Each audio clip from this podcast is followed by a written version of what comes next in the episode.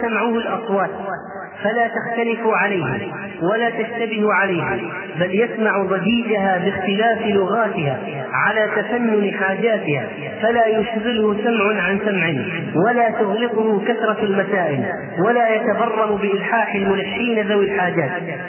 الآن الناس يدعون الله طيب منهم من يدعو الله باللغة العربية منهم من يدعو بالإنجليزية منهم من يدعو بالأردية منهم من يدعو بلغات كثيرة جدا صح ولا لا منهم من يطلب شفاء مريض منهم من يطلب رحمة ميت منهم من يطلب رزق منهم من يطلب ولد منهم من يطلب نجاح منهم من يطلب أشياء كثيرة وهم يطلبون في وقت واحد ويلحون إلحاحا والله عز وجل لا تغلطهم شوف الواحد لو مسك امسك بسماعتي هاتف لا يستطيع أن يتابع في نفس الوقت.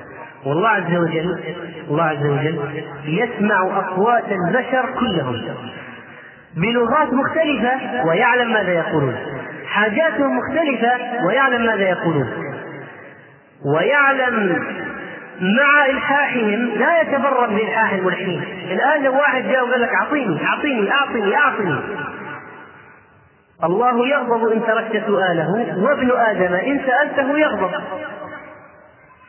والإنسان يتبرم بالإلحاح. والله عز وجل يريد من عباده أن يلحوا عليه بالدعاء.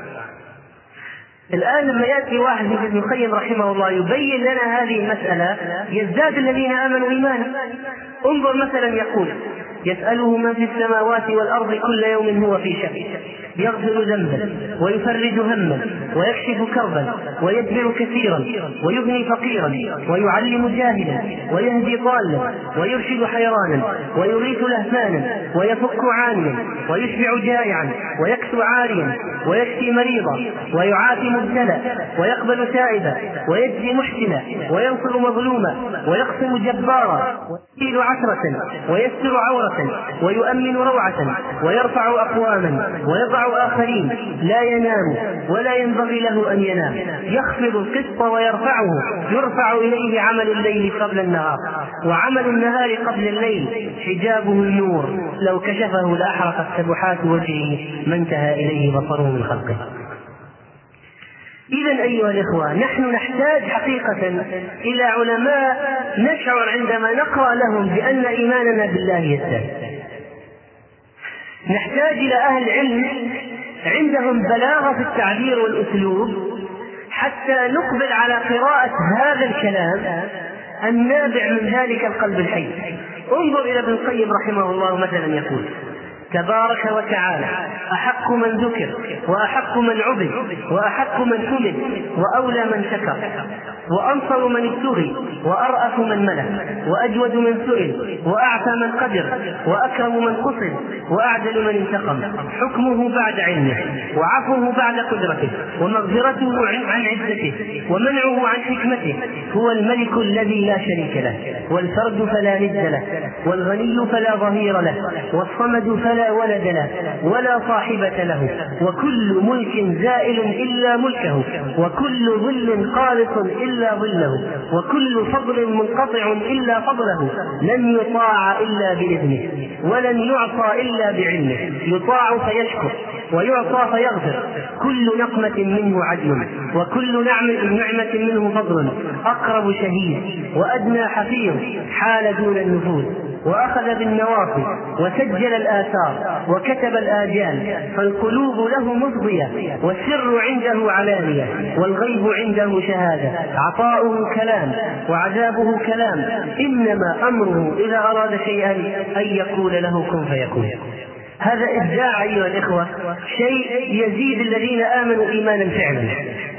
هذه كلمات فصلها ابن القيم رحمه الله في كتابه العظيم الفوائد. وإذا جئت إلى دقة استنباطه من كتاب الله لوجدت أمرا عجيبا. خذ مثلا كلام ابن القيم رحمه الله في روضة المحبين عن قول الله عز وجل واتل عليهم النبأ الذي آتيناه آياتنا فانسلخ منها فأتبعه الشيطان فكان من الغاوين. ولو شئنا لرفعناه بها ولكنه أخلد إلى الأرض واتبع هواه. يقول ابن القيم رحمه الله. تأمل قوله تعالى آتيناه آياتنا. فأخبر أن ذلك إنما حصل له بإيتاء الرب له لا بتحصيله هو. يعني الله لما يؤتي واحد منا علم أو بصيرة من الذي أعطى؟ الله أعطاه ولا العبد هو أخذ بنفسه وبقدرته وبذكائه؟ الله الذي أعطاه. فلذلك من أين استنبط هذا الأمر؟ آتيناه آياتنا. ثم قال فانسلخ منها ولم يقل فسلخناه بل أضاف الانسلاخ إليه إلى هذا العبد المذموم وعبر عن براءته منها بلفظة الانسلاخ. يعني أنه انسلخ. شوف الدقة. يصور ابن القيم الدقة في التعبير. هذا العبد انسلخ من الآيات بالكلية وهذا شأن الكافر. أما المؤمن ولو عصى الله فإنه لا ينسلخ من الدين. ثم قال ابن القيم فأتبعه الشيطان ولم يقل فتبعه. الفرق أن أتبعه يعني تبعه وأدركه ولحقه. لذلك قال الله عن موسى عن فرعون فأتبعوهم مشرقين وأدركوهم فلما ترى الجمعان قال أصحاب موسى إنا لمدركون. ولذلك يقول ابن القيم انظر فأتبعه الشيطان. يعني وصل إليه الشيطان واستحوذ عليه. وكذلك قال ولكنه أخلد إلى الأرض. أخلد إليها أي سكن إليها ونزل بطبعه إليها. فكانت نفسه أرضية سفلية لا سماوية علوية إلى آخر كلامه رحمه الله. ولما أتى مثلا عن قول الله عز وجل أيود أحدكم أن تكون له جنة من نخيل وأعناب تجري من تحتها الأنهار. له فيها من كل الثمرات. وأصابه الكبر. وله ذرية ضعفاء. فأصابها إعصار فيه نار فاحترقت كذلك يبين الله لكم الآيات لعلكم تتفكرون. هذا المثل ضربه الله لأي شيء. سؤال. أنا أسألكم الآن. واحد عنده جنة فيها جميع أنواع الثمار وعنده ذرية ضعفاء وأصابه الكبر فأصابها إعصار فيه نار فاحترقت ضربه الله مثل لأي شيء. وتلك الأمثال نضربها للناس وما يعقلها ولا يعقلها إلا العالمون. مثل لأي شيء.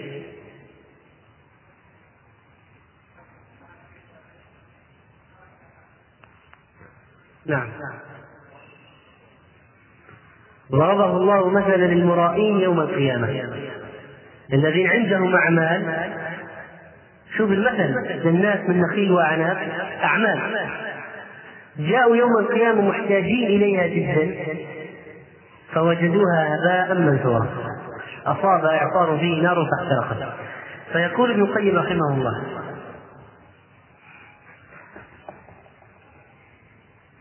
جنة من نخيل وأعناب قال ذكر في هذه الآية أشرف أنواع الثمار وأكثرها نفعا. فإن منهما القوت والغذاء والدواء والدواء والشراب والفاكهة والحلو والحامض ويؤكلان رطبا ويابسا. النخيل والأعناب.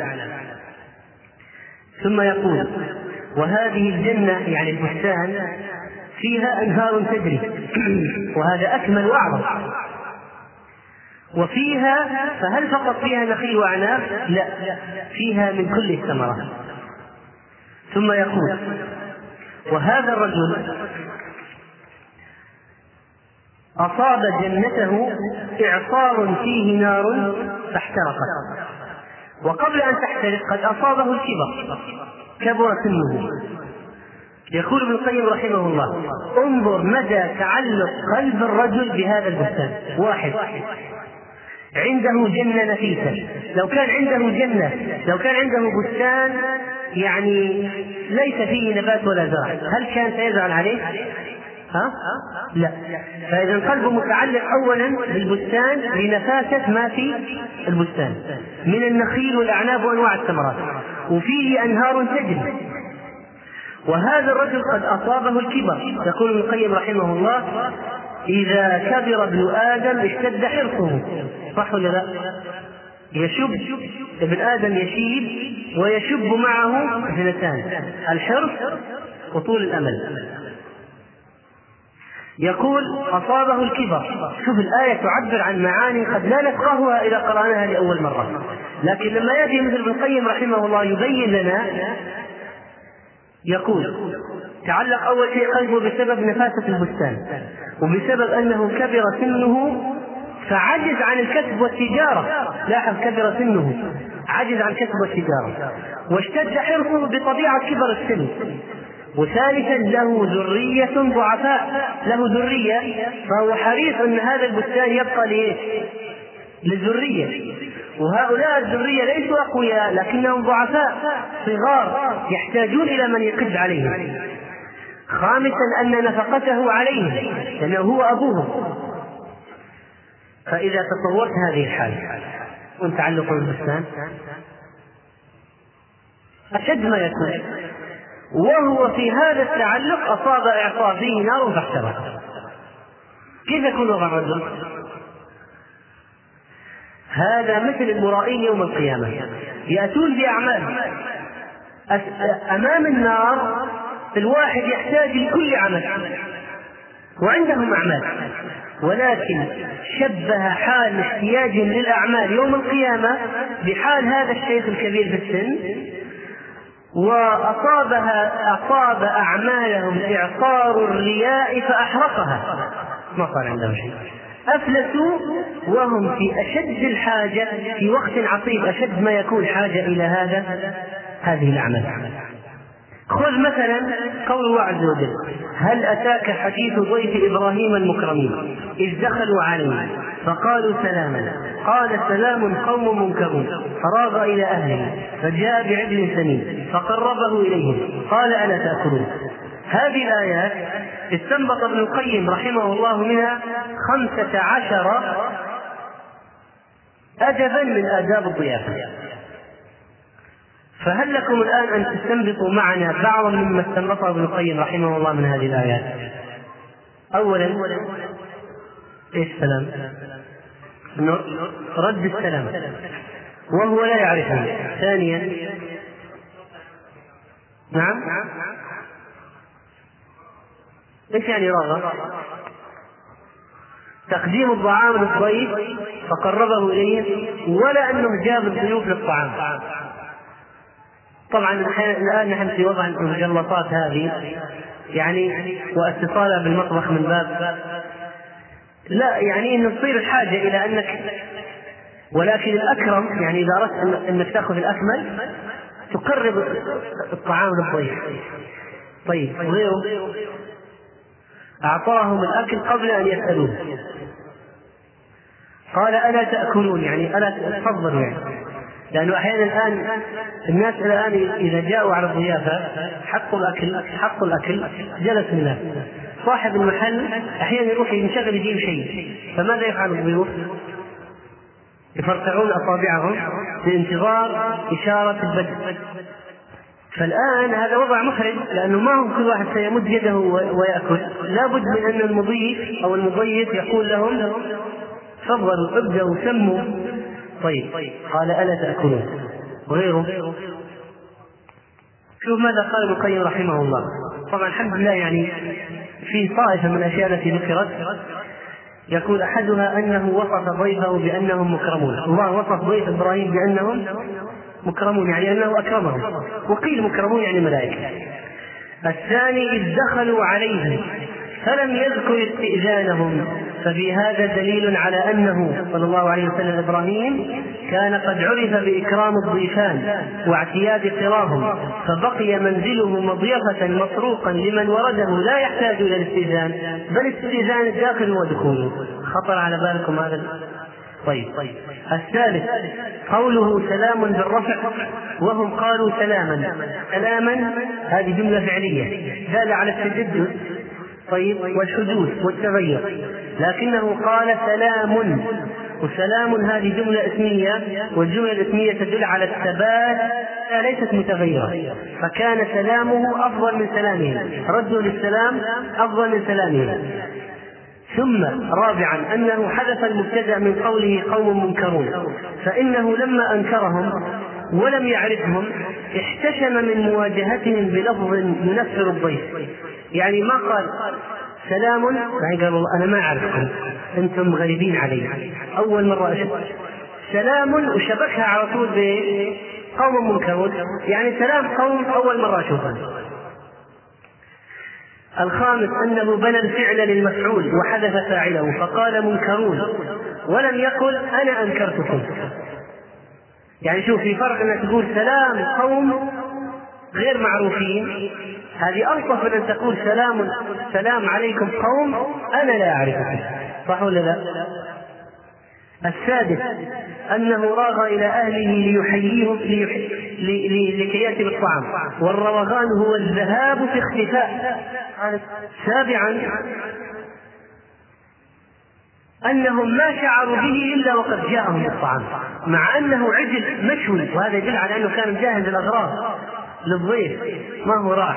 واشترى وذبح وشوى كان ما جاءهم إلا في الليل لكن فراغ شوف سبحان الله السرعة فراغ إلى أهله فجاء بعجل سمين ما قال ثم جاء؟ معناها أشياء مجهزة يجي الضيف يحصل على طول. فيقول ابن القيم رحمه الله يذهب في اختفاء بحيث لا يشعر به الضيف فيشق عليه ويستحي فلا يشعر به إلا وقد جاءه بالطعام. بخلاف من يسمع ضيفه ويقول له مكانكم حتى اتيكم بالطعام بعد يقول لا ما في داعي تجيب الطعام بعدين يحلفون عليه يحلف عليهم. السابع أنه ذهب إلى أهله فجاء بالضيافه فدل على أن ذلك كان معدا الثامن فجاء بعجل سمين دل على خدمته للضيف بنفسه ولم يقل فأمر لهم بعجل سمين مثل الناس الآن الناس أنت الآن إذا واحد عنده خدم الأكل الأحسن في آداب الضيافة يجيب لك الأكل بنفسه ولا يقول يا خادم هات الطعام؟ يجيب بنفسه. هذا زيادة في الإكرام أكيد. التاسع أنه جاء بعجل كامل ولم يأتي ببعضه ببعضه. ما جاب ربع ولا نصف؟ جاء كله جاء بخيل العاشر أنه سمين لا هزيل ومعروف أن ذلك من أفخر أموالهم. الحادي عشر أنه قربه إليهم بنفسه ولم يأمر خادمه بذلك. الثاني عشر أنه قربه إليهم ولم يقربهم إليه. وهذا أبلغ في الكرامة أن تجلس الضيف تجلس الضيف ثم تقرب الطعام إليه ولا تضع الطعام في ناحية ثم تأمر ضيفك بأن يتقرب إليه. الثالث عشر أنه قال ألا تأكلون؟ وهذا في غاية التلطف في العرض. الرابع عشر أنه إنما عرض عليهم الأكل لأنهم رآهم لا يأكلون.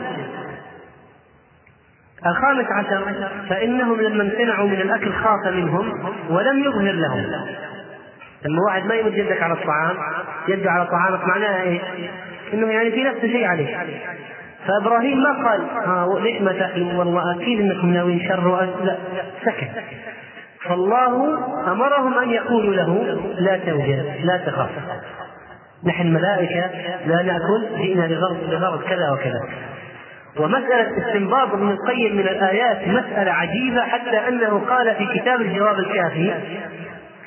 وفي هذه القصة هي قصة يوسف من العبر والفوائد والحكم ما يزيد على ألف فائدة. لعلنا إن وفق الله أن نفردها في مصنف مستقل. شوف يقول ألف فائدة استنبط من قصة يوسف. وكان ابن القيم رحمه الله لديه إلمام تام بواقعه وعصره.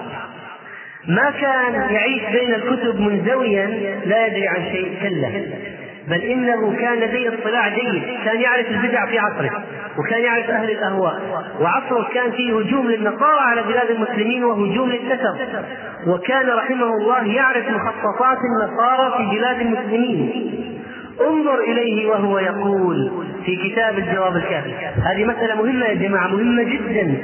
أن نعلم كيف كان علماؤنا من قبل عندهم تكامل لم يكونوا مغمضي الأعين عما يحدث في الواقع بل إنهم كان لديهم حس كان لديهم معرفة كان لديهم إمام الصلاح. يقول في الجواب الكافي وإذا أراد النصارى أن ينصروا الأسير المسلم أروه امرأة جميلة نصرانية منهم وأمروها أن تقنعه في نفسها.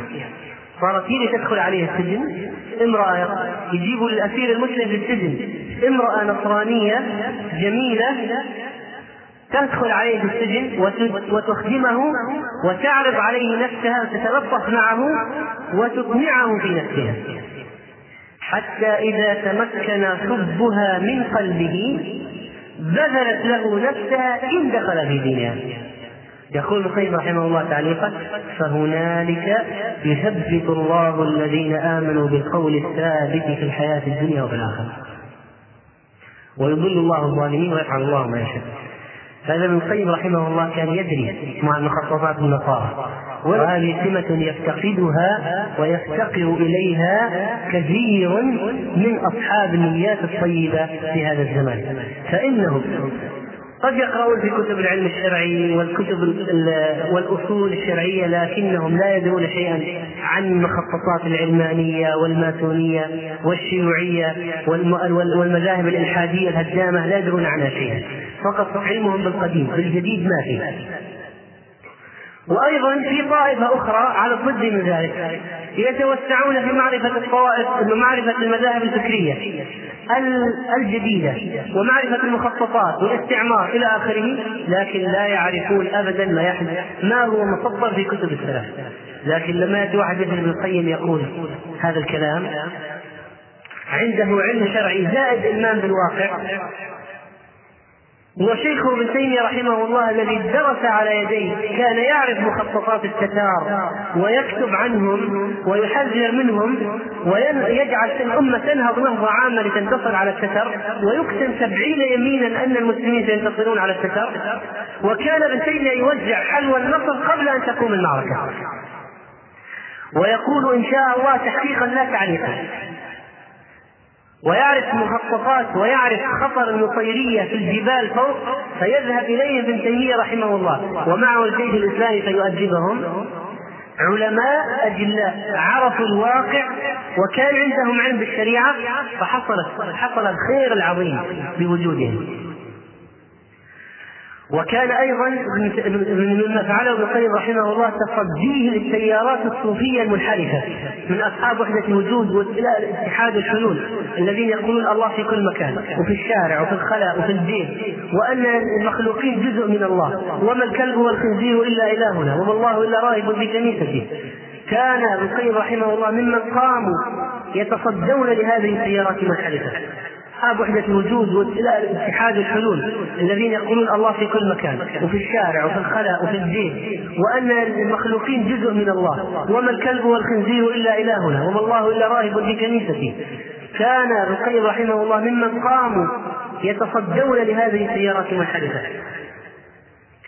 ويقول مثلا فاضحا لهم يقول سئل الشبلي من المتصوفة متى تستريح؟ قال إذا لم أرى له ذاكرا إذا ما رأيت ولا واحد يذكر الله استريح ليش؟ قال لأني أنا أغار. ما أبغى ولا واحد يذكر الله؟ أنا عندي غيرة. على الله فلذلك ما أبغى واحد يذكره؟ لأن عندي غيرة. شوف الضلال شوف. ثم قال ومات ابن له فقطعت أمه شعرها. فدخل هو الحمام ونور لحيته. يعني ازال اللحية. حط النورة وازال اللحية. حتى ذهب شعره. هذا الضال. فقيل له لما فعلت هذا؟ قال إنهم يعزونني على الغفلة ويقولون أجرك الله؟ ففديت ذكرهم لله على الغفلة بلحيتي.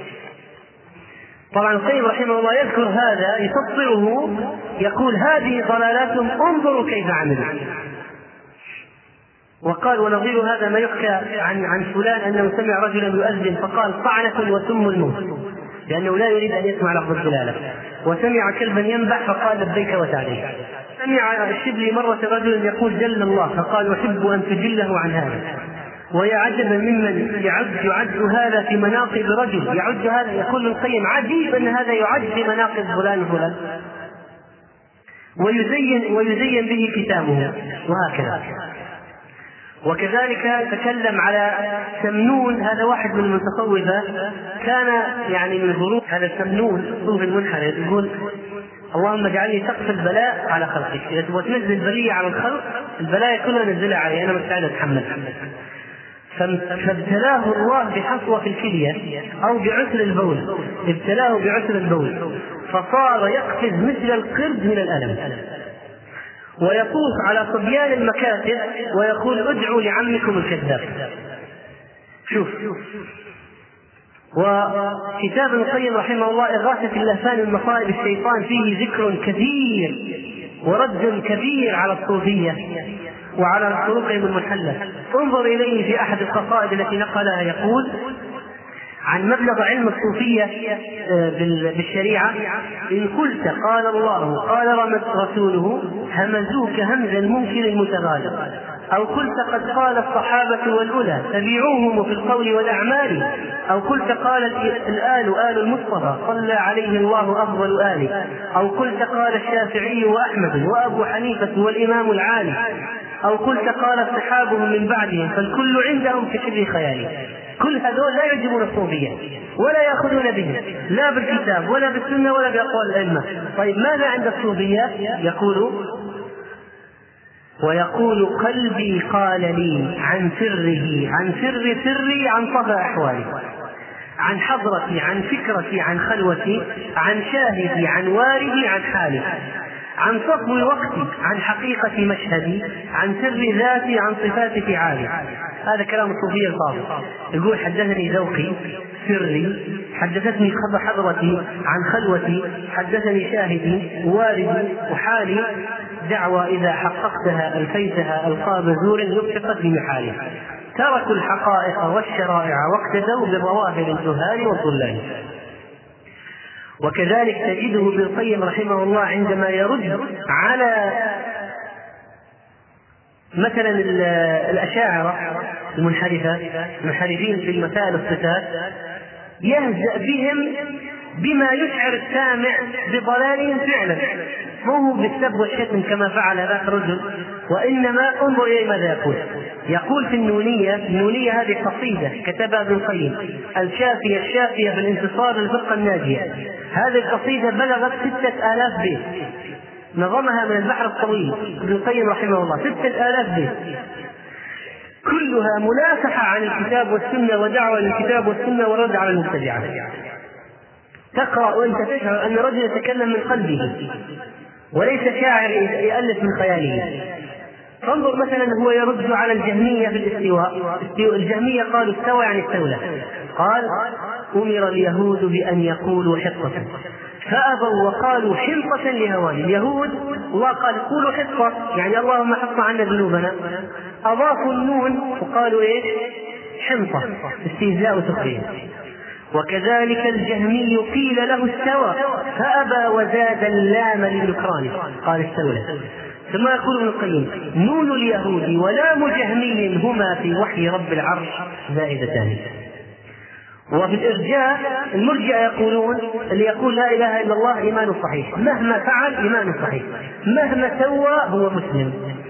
وإذا سوى كبائر يعني أو شيء فهو يعني معاصي يعني لكنه ما يكفر خلاص إذا قال لا إله إلا الله ما يكفر مهما سوى. طبعا هذه مصيبة العقيدة هذه لأنك ممكن واحد يقول لا إله إلا الله ورجله فوق المصحف وتقول هذا مسلم وهو ينقض لا إله إلا الله ولا إله إلا الله لها شروط لا ليست كلمة تقال هكذا. يقول ابن القيم رحمه الله وكذلك الإرجاء حين تقر بالمعبود تصبح كامل الإيمان. على زعم المرجئة. فارمي المصاحف في الحشوش ارميها في الخلاء وخرب البيت العتيق وجد في العصيان واشتم جميع المرسلين ومن أتوا من عندي جالا بلا كتمان وإذا رأيت حجارة فاسجد لها بل خر للاصنام والأوثان وأقر يعني بس المهم أقر أن الله جل جلاله هو وحده الباري لذي الاكوان وأقر أن رسوله حقا أتى من عنده بالوحي والقرآن فتكون حقا مؤمنا وجميع ذا وزر عليك وليس بالكفران. ثم يقول هذا هو الإرجاء عند غلاتهم من كل جهمية اخ الشيطان. يقول هذا هذه عقيدة المرجئة تكفر وتفعل وتفعل. بس المهم تقول أشهد أن لا إله إلا الله وأشهد أن محمدا رسول الله. تصير مسلم وكذلك يتميز تميز مؤلفات ابن القيم رحمه الله بأنه يأتي بالوجوه العظيمة سواء كان في البيان أو في الرد. بل إنك أحيانا ياتي يأتي بمساله يقول استدل المخالفون بكذا ويأتي بعشرين وجه. إذا قراتها تقول خلاص. هذا اقتنعت. تقتنع تماما. تقول مستحيل أحد يرد عليها.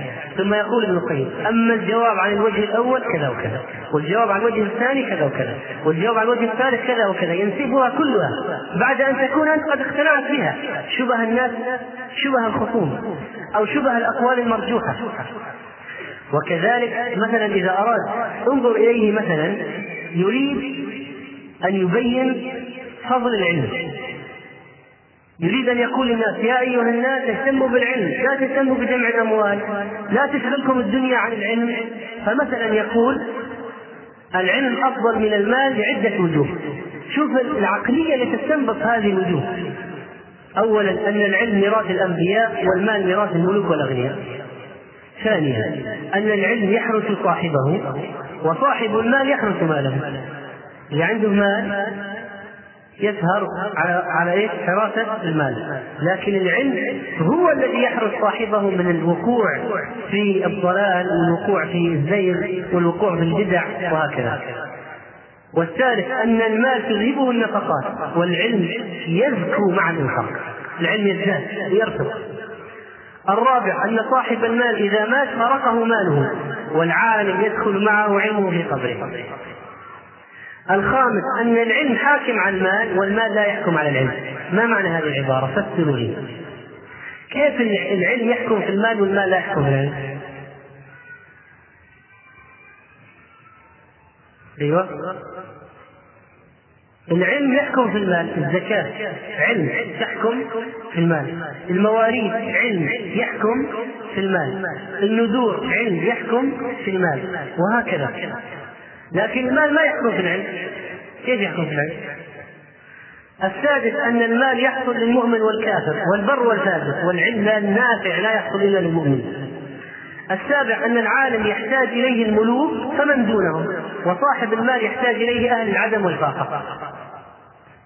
العالم الحقيقي لا يقف على أبواب السلاطين. سليمان بن عبد الملك مره في مكة جاء يحتاج يسأل هو وولداه على مسألة في الحج. جاء دخل على عطاء بن رباح الرجل الأسود الأعمى الاقبس الأعرج المسلول. هذا دخل عليه آه سليمان عبد الملك فوجد عطاء يصلي. عطاء اول الصلاه ولا عبر سليمان الخليفه وانتظر سليمان انتظر انتظر حتى فرغ. فسأله فما التفت عطاء؟ وجاوب على السؤال وجع القبلة. فلما خرج قال سليمان لعطاء يا بني اطلب العلم فإني لا أنسى ذلنا بين يدي العبد الأسود. هذا عطاء بن رباح العبد الأسود هذا لما كان صغير طلع مشوه قالت له أمه والام تحب الولد ولدها. قالت يا بني اطلب العلم. ترى الناس شكلك منظرك لا يمكن أن ينظر إليه لكن اطلب العلم. فطلب العلم. طلب العلم من صغره. فصار قاضي مكة. وكان يأتي إليه الأجلاء يطلبون عنده العلم. وكان يعني من من من, من آه خلقته أنه مرة كان يدعو الله ويقول اللهم اعتق رقبتي من النار. فمرت به عجوز فقالت وأي رقبة لك يا بني؟ هو هو هو وكان رقبته ما له رقبة يعني رأسه داخل في جسده. ويقول الله ما رقبتي من النار ومرت هذه المرأة عجوز يعني عجوز على نيتها. قالت وأي رقبة لك يا بني؟ هذا الرجل صار قاضي مكة. الله بهذا الكتاب أقواما وبعضه آخرين. ثم يقول المال يدعو إلى الطغيان والفخر والعلم يدعو إلى التواضع والعبودية. غنى العلم أجل من غنى المال. غنى المال أمر خارجي عن الإنسان. لو ذهب في ليلة أصبح الإنسان فقيرا. لكن عمرك شفت عالم نام صحى ثاني يوم. حصل نفسه ما عنده علم. ها؟ لكن ممكن تجد واحد مليون يعني بليونير نام في الليل شاف في النوم إن البورصة طاحت حققت أحلامه ثاني يوم قام ثاني يوم الصباح وعليه ديون الدنيا. صح ولا لا؟ الآن لما يجي واحد يقول لك هذه الوجوه التفاضل بين العلم والمال العاقل يقتنع حقيقة. عندما يتكلم ابن القيم رحمه الله عن الأذكار مثلا يقول إن العبد مطالب أن يذكر الله في لو ذكروا في أربع مواطن مهمة جدا لدل على صدق العبد. عند النوم أول ما يجي ينام وأول ما يستيقظ من النوم. وفي الصلاة وعند الأهوال والشدائد. الإنسان عند الشدائد إيش يذكر؟ أقرب شيء لنفسه. فلو كان يذكر الله أول ما صارت الشدة معناها أنه مرتبط بالله عز وجل. وهذا الرجل مما يمتاز به أنه من العلماء العاملين فمثال على ذلك هو يدعو الناس إلى التفاؤل كما وردت به السنة ونبذ التشاؤم. وهذه قصة وقعت له بنفسه. يقول, يقول في مفتاح دار السعادة في آخر مبحث فال وأخبرك عن نفسي بقضية من ذلك وهي أني أضللت بعض الأولاد يوم التروية بمكة. ضاع منه ولد يوم ثمانية.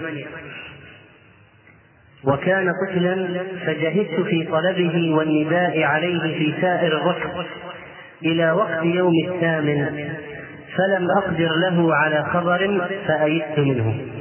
ضاع الولد في الحج. فقال لي إنسان إن هذا عجز. اركب وادخل الآن إلى مكة فتطلبه أو فتطلبه. فركبت فرسا فما هو إلا أن استقبلت جماعة يتحدثون في سواد الليل في الطريق وأحدهم يقول ضاع لي شيء فلقيته. التفاؤل هو أنك تسمع قول أو ترى شيء حسن فتتفاءل منه. فقد يجري الله بقدره بهذا التفاؤل أن يحدث لك ما تريده. أنت فابن القيم يبحث عن الولد ويقول فسمعت إنسان يقول ضاع لي شيء فوجدته. ثم قال فلا أدري انقضاء كلمته أسرع أم وجد أن الطفل مع بعض أهل مكة في محملة عرفته بصوته. ولابن القيم رحمه الله إسهام كبير في حلول المشاكل الاجتماعية والأمراض النفسية. كلامه في الوسوسة موجود في إغاثة اللسان وغيره. كلام عظيم جدا. والوسوسة مرض خطير. ما عندنا وقت نستعرض الآن في شيء.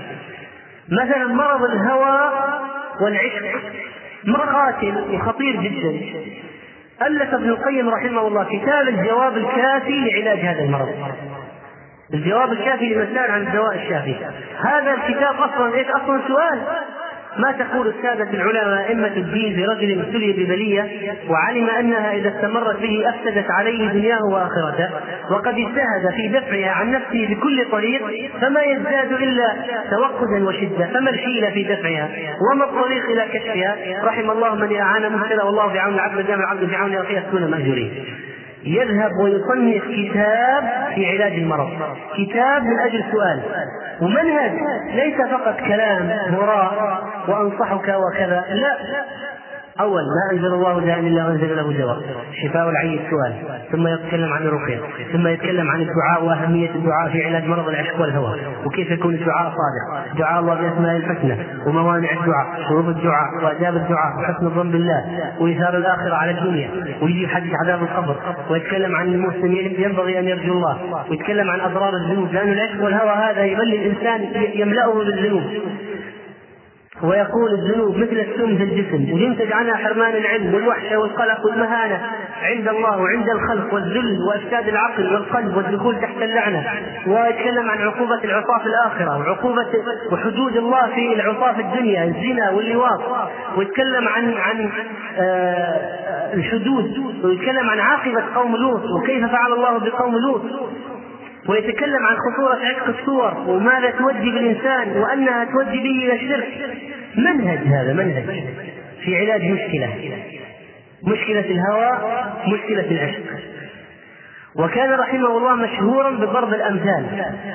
مثلا يتكلم يقول في قضية التوكل.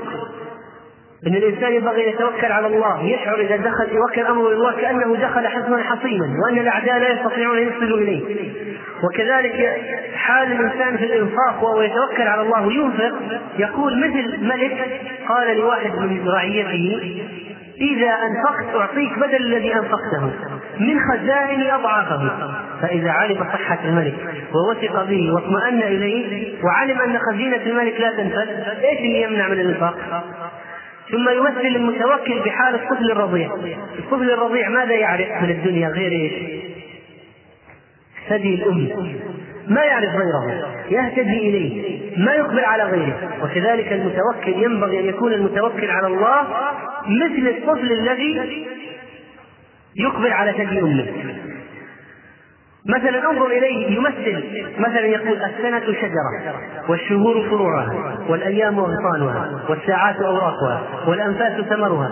فمن كانت أنفاسه في طاعة فثمرة شجرته طيبة ومن كانت في معصية فثمرته حمضا وإنما يكون الجداد يوم المعاد. ثم يقول أن هذه الشجرة ينبغي أن تسقى بماء الإخلاص والمتابعة لتكون الثمار طيبة في الآخرة. الإخلاص لله والمتابعة للرسول صلى الله عليه وسلم. عندما يتكلم ابن القيم في مدارج السالكين عن منازل من أعمال القلوب تندهش حقيقة. للقدرة الذي أوتيها هذا الرجل رحمه الله تعالى. عندما يتكلم يقول عن المحبة مثلا الحمد لله الذي جعل المحبة إلى الظفر بالمحبوب سبيلا ونصب طاعته والخضوع له على صدق المحبة دليلا وحرك بها النفوس إلى أنواع الكمالات إثارا لطلبها وتحصيلها والمحبة هي روح الإيمان والأعمال والمقامات والأحوال. تحمل أثقال السائرين إلى بلاد لم يكونوا إلا بشق الأنفس بالغين وتوصلهم إلى منازل لم يكونوا بدونها أبدا واصلين إلى آخره. كلام طويل جدا. وكذلك ابن القيم رحمه الله صاحب فكر مدقق وكان يتدبر يعني يفكر في, في الواقع. حتى يربط حتى بين الحيوانات وبين البشر. وله تحليلات نفسية جميلة جدا. لا ترقى إليها إلا كبار العقول في هذه المسألة. يقول من الناس نفوس حيوانية. لا هم لهم إلا في الأكل والشرب وليس عندهم اهتمام بالشريعة. ومن الناس نفوسهم كلبية. لو صادف جيفة جيفة تشبع ألف وقع عليها كل ما جاء واحد نبح لا يريد أن يأتي إليها. ويقول ومن الناس طبع طبع الخنزير. يمر بالطيبات فلا يلوي عليها. لكن إذا وقع على خير جاء عليه. يقول هذا مثل مثل الواحد يشوف في الناس أشياء طيبة وخصال طيبة ثم يرى بعض العيوب ينسى كل الأشياء الطيبة ويأتي على العيوب. ومنهم من على طبيعة الطاووس. ليس له إلا التطوس والتزيين والتريش وليس وراء ذلك من شيء. بعض الناس هذا غرور مثل الطاووس. ومنهم من على طبيعة الجمل أحقد الحيوانات وأغلظها كبدا ومنهم مثل العقرب الحية لا يستريح إلا إذا نفذ سمه في غيره. ولذلك إذا ما آذى أحد من الخلق مسكين يظل متوتر طيلة اليوم. حتى يأذي واحد من الخلق يستريح. مثل العقرب الذي يطلق سمه في الناس. وكذلك يقول انظر إلى حديث الرسول صلى الله عليه وسلم السكينة والوقار في أهل الغنم والخيلاء والفخر في أهل الإبل. يحلل تحليلات. شوف سبحان الله هذا البعير الآن الغنم والبقر وغيرها حتى رأس رأسه لوين؟ تحت. والجمل رأس الجمل وين؟ لفوق رقبته طويلة كذا ما ما ما, ما تجد البعير راسه في الأرض. شوف الارتباط تحليل الحديث. إن السكينه والوقار في أهل الغنم والخيلاء والفخر في أهل الإبل. لذلك البادية الاعراب اصحاب الإبل عندهم كبر خيلاء وفخر. وأهل الغنم الذين يعيشون يعني الغنم عندهم نوع من السكينة والتواضع وكذلك يقول من الناس من نفوس حمارية لم تخلق إلا للكلب والعلف. ولا لا ليس عندهم بصيرة. صم بكم عمي. لذلك ضرب الله ما ينتفع بالعلم مثل الحمار يحمل اسفاره وقال من الناس من طبيعتهم فأرية. فاسق بطبعه مفسد لما جوره مثل الفار. ولما يتكلم على النمل ابن القيم رحمه الله يقول من عجيب امرنا انها تقبل الملوك الظلمة المفسدة ولا تزيد بطاعتها وتأتي بمجموعات وتتعاون وكل نملة تجتهد في صلاح العامه غير مختلفة شيئا من الحق لنفسها. ثم لما يتكلم على الحمام. يدق دقات في الواقع يقول القيمون بالحمام يعتنون بأنسابها اعتناء عظيما فيفرقون بين ذكورها وإناثها حتى لا يحدث اختلاط في النسب والقيمون على الحمام لا يحفظون الارحام نسائهم ويحتاطون كما يحفظون الارحام حمامهم يقول هذول اللي يشتغلوا في الحمام نساؤهم كتب الرجال لاهية مع الرجال ويحفظون انساب الحمام وانسابهم يحفظون ويتكلم عن الحمام وعلى مشابهة طباع الحمام وطباع الملكوت منهم منها لا ترد ثلاثة وأخرى لا تنام بعد طلب إلا بعد طلب الأكل وأخرى لا تمكن منها ذكرا إلا زوجها. وأخرى إذا غاب زوجها وهي في أي واحد. وأخرى لا تمتنع على أحد. ومنهم من إذا غابت البيضة أفسدتها قال مثل المرأة لكل و ذكر أمور كثيرة جدا تدل على يعني فقهه رحمه الله في الواقع وكانت وفاة ابن القيم رحمه الله تعالى ليلة الخميس الثالث من عشر الثالث عشر في شهر رجب وقت أذان العشاء سنة 751 للهجرة بعد أن أكمل 60 سنة بعد أن أكمل 60 سنة رحمه الله تعالى. اللهم اغفر لهذا العالم من اعلام المسلمين. اللهم وسع له في قبره ونوره له. واجعله يتضرب في رياض الجنة.